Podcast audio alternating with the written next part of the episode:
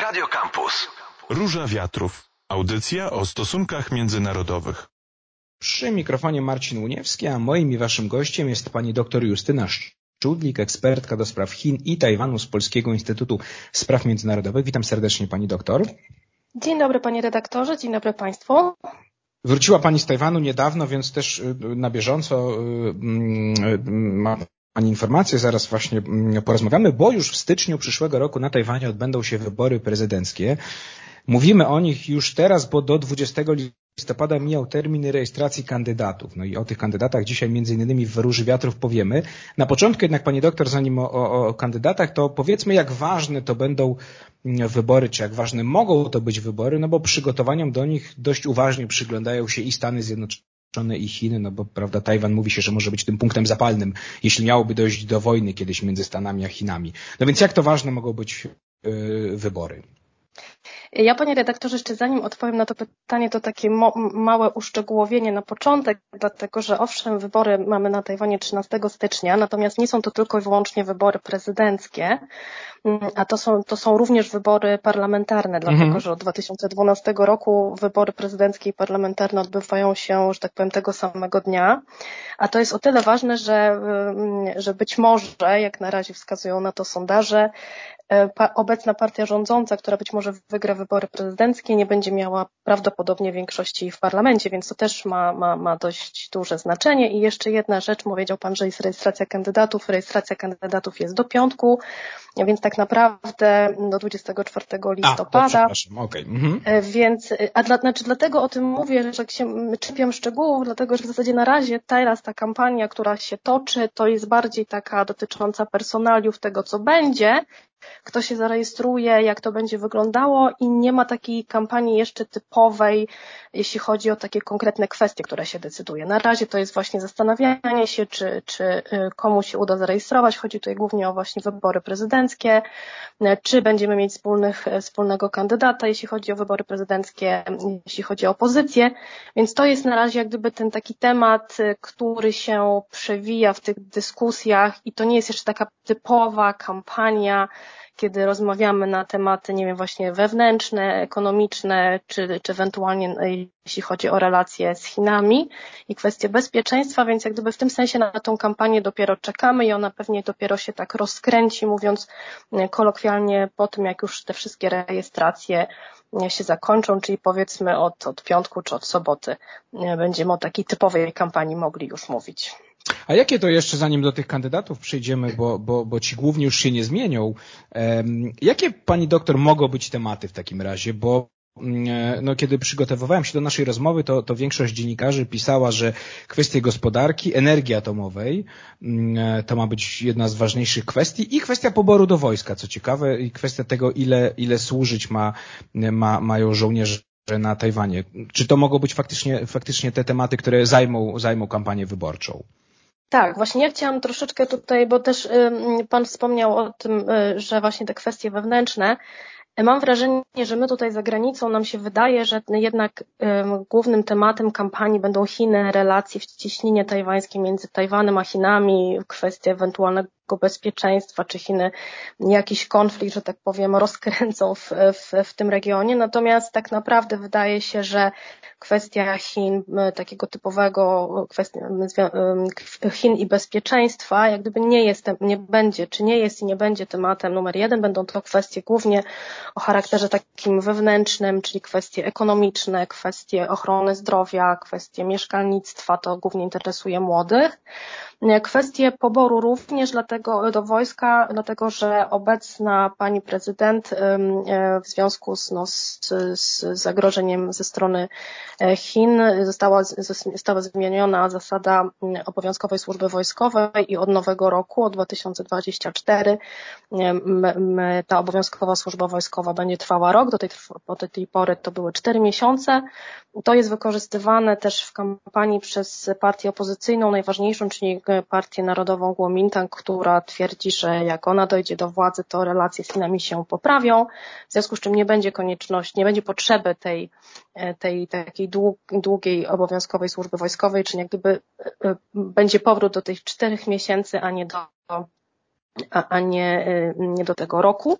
E, który, który, który ma obowiązywać od przyszłego roku, więc e, bardziej bym się nastawiała, że te, te kwestie kampanijne będą właśnie kwestiami dotyczącymi sytuacji no, wewnętrznej, ekonomiczno-społecznej, e, niż, no, a Chiny będą powiedzmy, powiedzmy jednym z tematów, ale nie będzie to temat absolutnie, e, absolutnie najważniejszy. Jeśli chodzi o kwestie, no, wspomniał Pan o kwestie energetyczne, mm, to e, tak, tutaj w związku z kryzysem energetycznym, który miał miejsce na Tajwanie w 2021 roku, to jest, jest temat. E, partia obecnie rządząca ma chyba najbardziej taką sprecyzowaną agendę, jeśli chodzi o kwestie energetyczne, ponieważ skłania się ku temu, żeby jednak nie, nie, nie, nie wykorzystywać energii nuklearnej. Pozostałe partie raczej mówią, że e, chcą tej energii nuklearnej. Też trzeba zdawać sobie sprawę, że no, Tajwan w związku z tym, że no, ma takie, a nie inne położenie, jest wyspą, praktycznie 90 czy nawet ponad 90% energii musi e, importować, więc to też w kwestiach takich ewentualnych, ewentualnych konf jakiegoś konfliktu czy kryzysu w ciśnienie tajwańskiej też ma duże znaczenie, więc e, bardziej bym się tutaj skłaniała, że jednak kwestie wewnętrzne, ekonomiczno-społeczne będą głównym tematem kampanii, a Chiny będą jednym z, ale nie numerem jeden. Bo elektrowni nie ma, prawda, na Tajwanie żadnej atomowej na razie. To jest, rozumiem, tak jak u nas trochę rozmowa o, o, o tym, czy budować, o ile, czy dobrze, o ile dobrze pamiętam, są, więc ewentualnie okay. Jest, mhm. jest pytanie, czy je zamykać, czy, czy, czy nie, ale na czym, bądź czy budować, mhm. budować nowe. Tam są chyba trzy elektrownie. Według ostatnich sondaży, oczywiście też to się wszystko jeszcze może zmienić, wśród kandydatów najlepszy wynik, bo około 29% uzyskuje e, Lai Ching-te, znany też pod swoim angielskim imieniem William. To jest obecny wiceprezydent z rządzącej krajem demokratycznej partii postępowej. To tyle ode mnie. Powiedzmy, pani doktor, słów kilka o, o tym polityku. Czy to jest polityk nowy, czy to jest, e, znaczy nowy, no już jest wiceprezydentem, ale czy on jest doświadczony, czy to jest, czy to jest jednak świeża postać? No i zapytam o ten stosunek do Chin, czy on tutaj ma taki dość ostry stosunek, taki jak obecna pani prezydent i Demokratyczna Partia Postępowa, czy może jednak e, bardziej ugodowy?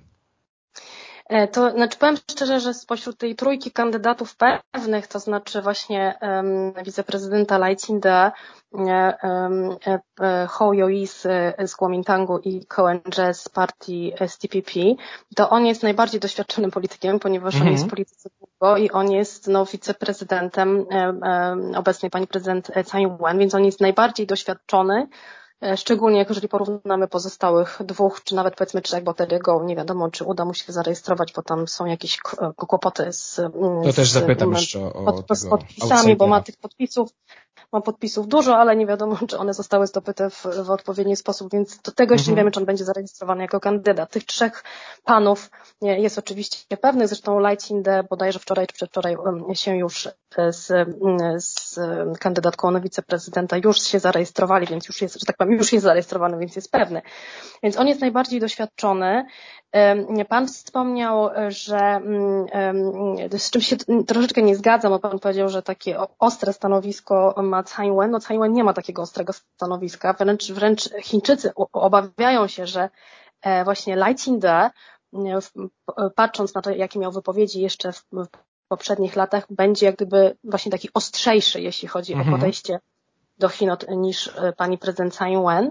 Natomiast ja powiem szczerze, że też będąc na Tajwanie, e, my z delegacją takich europejskich ekspertów byliśmy w trzech, w siedzibach trzech tych partii i powiem szczerze, że nie, nie bardzo widzę jakąś, jakąś chęć zmiany podejścia, jeżeli Lajcinde wygra, no na razie w sondaże wskazują, że wygra wybory prezydenckie, że będzie to raczej, raczej kontynuacja. To znaczy Chińczycy oczywiście wykorzystują tą sytuację mówiąc, że Lajcinde jest pro, pro niepodległościowy, że dąży do, do, do niepodległości. Takich planów oczywiście nie ma. E, Demokratyczna Partia Postępowa, jeżeli wygra wybory, e, niepodległości nie będzie ogłaszać. Będzie to kontynuacja tego, co e, co tej polityki, którą prowadziła pani prezydent Tsai Ing-wen, była to polityka powiedziałabym taka no nie szła na, na, na zwarcie, że tak powiem, z Chinami, to Chiny, że tak powiem, z, ucięły kontakty jeśli na tych szczeblach takich powiedzmy instytucjonalnych, mm, więc tutaj bym się nie spodziewała, nie spodziewała zmian, będzie to kontynuacja. Powiedziano nam, jeżeli już tak mogę, troszkę z tego, co, co, co czego się dowiedzieliśmy w, mhm. w DPP, że taka jest zmiana, ona pewnie dla nas jest niewidoczna i pewnie gdy nam, gdyby nam tego nie powiedziano, to też bym tego nie zauważyła, że e, e, o ile Pani e, prezydent Tsai Ing-wen mówi, że nie wyklucza dialogu z Chinami.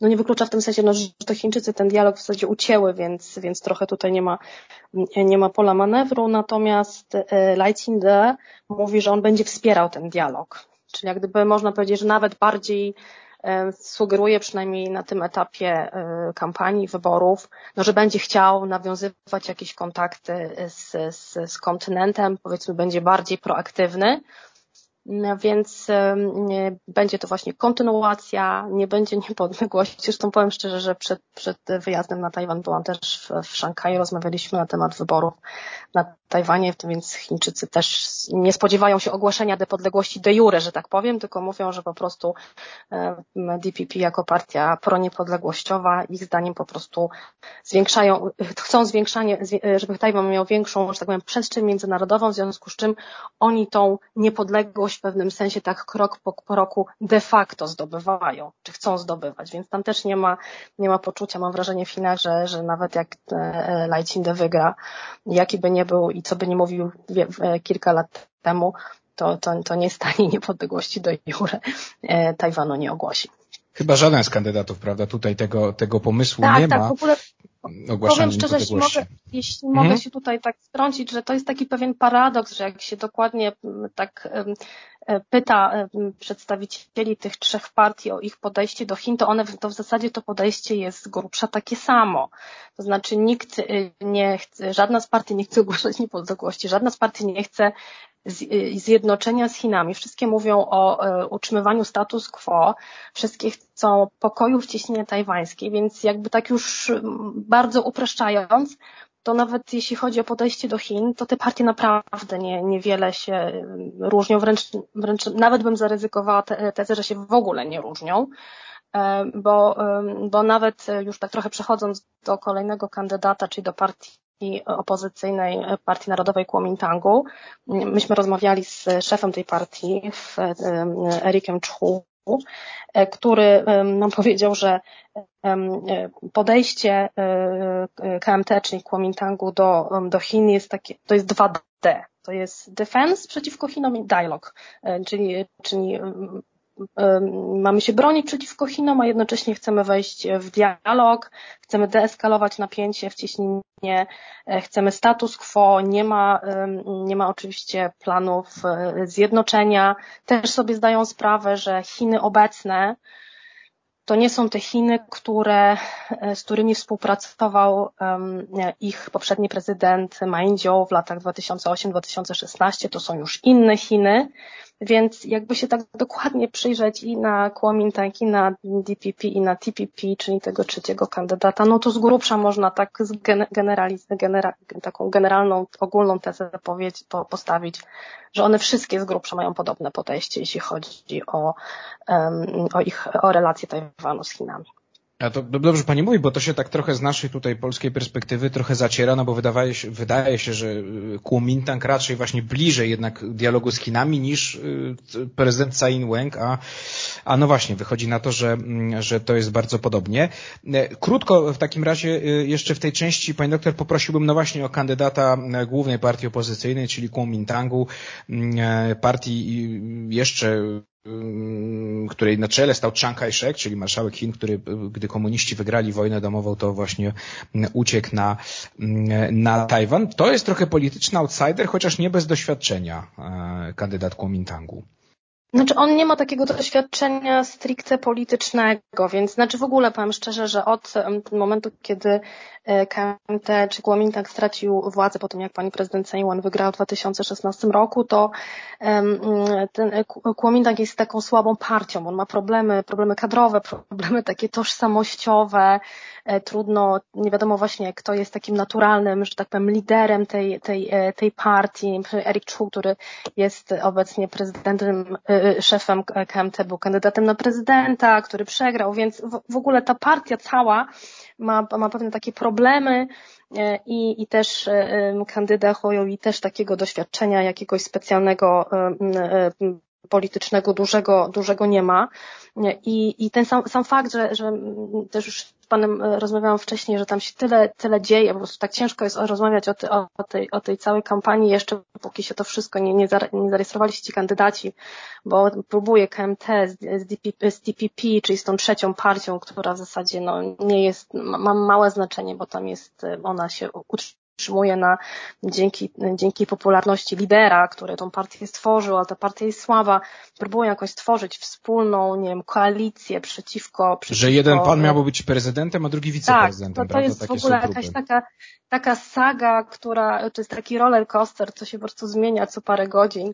Jak my byliśmy na Tajwanie, to nam we wszystkich wszystkich trzech partiach mówili, nie, nie ma możliwości, żeby DPP, e, przepraszam, żeby e, Kuomintang z DPP miał wspólnego kandydata, no bo to się po prostu nie zgra, ponieważ e, KMT jest silną partią w porównaniu z DPP, ale ma słabego kandydata.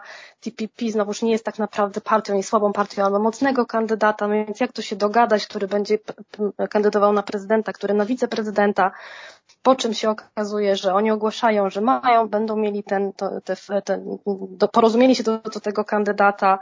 Nie minęło trzy dni, kiedy mieli ogłosić dokładnie właśnie, który będzie którym, to znaczy, czy Hoyowi będzie kandydował na prezydenta, czy na wiceprezydenta i, i odwrotnie. Nagle się okazało, że się nie dogadali. Teraz jakieś, jakieś głosy chodzą, że może e, się dogadają e, z E, z tym Term Go, które też nie wiadomo, czy będzie zarejestrowane, więc to się wszystko tak, tam jest bardzo to się zmienia co chwilę, a z drugiej strony pokaza, pokazał to właśnie, pokazała to partia DPP i, i, i dwa dni temu, że ma, ma panią byłą, nazwijmy to ambasador Tajwanu w Stanach Zjednoczonych jako wiceprezydenta, się zarejestrowali, pokazują, że są takim zwartym obozem, więc to też najlepiej pokazuje właśnie te, ta, to całe zamieszanie, jeśli chodzi o, o Kuomintang i współpracę z DPP, że, że po prostu ta partia no, jest partią no, słabą w porównaniu do tego, jaką była zarządów, zarządów Mainzhou, chociaż oczywiście, jak pokazują sondaże, no, no Hoyowi, no ja tutaj patrzę na sondaże, które dzisiaj było opublikowane. Hoyowi ma 27, Lighting ma 30. Do wyborów jeszcze trochę mogą, DPP może stracić większość w juanie legislacyjnym, czyli w, w parlamencie. I, I, to, ale to są też takie głosowania bardziej na zasadzie jesteśmy zmęczeni e, DPP po ośmiu latach, więc chcemy zmiany E, kwestie no, Chin nie są e, pierwszoplanowe, są Tutaj... kłopoty, szczególnie jeśli chodzi o młodych ludzi, więc oni też mogą głosować właśnie przeciwko DPP, więc to jest takie bardziej głosowanie przeciwko DPP, a niekoniecznie na przykład za e, Kuomintangiem czy, czy TPP. Cohen z tajwańskiej partii ludowej, no, postać dość nowa na tajwańskiej scenie politycznej i on wydaje się, że chce reprezentować się, czy przedstawiać się jako taka trochę alternatywa dla sporu na linii, no właśnie, demokratyczna partia postępowa, a Kuomintang, e, e, Kuomintang. Więc słów kilka pani doktor powiedzmy o, o, o, o tym kandydacie i tej partii. E, no, znaczy, powiem szczerze, że to jest bardziej, ta partia to jest w zasadzie KNJ, to znaczy nie ma partii, mhm. jest znaczy KNJ i powiedzmy na nim się trzyma coś, co się, co się nazywa tą partią TPP, która tak naprawdę ma cztery lata ona po prostu powstała w związku z tym, że no on był, Kełęże był e, bardzo popularnym burmistrzem, e, burmistrzem Taipei mm, i, i on się, on jest takim celebrytą trochę, mm, on w zasadzie, no on gra no, tak na siebie, a nie na partię bardziej bym powiedziała. E, I też właśnie to chcę pokazać, jakie to jest strasznie skomplikowane i jak bardzo właśnie mm, to całe Kuomintang z tą TPP, jak to się wszystko miesza, jak to ciężko zrozumieć, dlatego że Cohen i TPP chcą się właśnie pokazywać, tak jak Pan powiedział, jako taka trzecia droga, powiedzmy, alternatywa wobec tych, takiego tego duopolu, czyli DPP i KMT, czyli Kuomintangu, DPP tak zwani zieloni, Kuomintang niebiescy, oni się określają, że oni są biali, po czym po czym, bo to jeszcze nie mówiliśmy, w zasadzie zawarli koalicję, jeśli chodzi o, o wybory do parlamentu. E, mówi się, mówi się o tym cały czas, prawdopodobnie to już się nie zdarzy, ale się mówi cały czas, że możliwy był, był ten wspólny start, e, jeśli chodzi o, pre, o prezydenturę, czyli że się mieli podzielić jeden kandyduje na prezydenta, drugi na wiceprezydenta. No i pytanie, no, no jak to pogodzić, skoro oni chcą być trzecią siłą, a, się, a, a zaczynają współpracować e, z Kuomintangiem. E, to jest partia, która, partia czy, czy, czy, człowiek, który ma poparcie ludzi młodych, którzy właśnie mają dosyć tego podziału na KMT i, i DPP.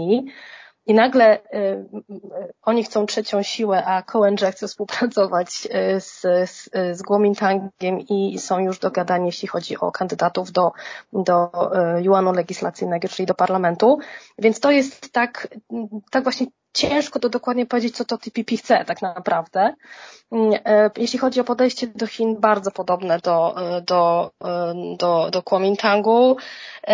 Też ostatnio były nawet takie wypowiedzi KNJ, jak się go pyta, pytano, jakie on ma podejście do Chin, do tak zwanego konsensusu 92, bo to jest z 92 roku, to jest coś, coś takiego, co Chińczycy bardzo, bardzo naciskają, żeby pani prezydent to przyjęła i DPP, DPP to, to odrzuca. To jest taki konsensus, który zawarło, zawarło e, Kuomintang i e, KPH w 1992 roku, który mówi, że są jedne Chiny, ale różne interpretacje, e, co odrzuca DPP, dlatego że no, tak naprawdę uznaje, że dla Chin to są jednak jedne Chiny, czyli HRL.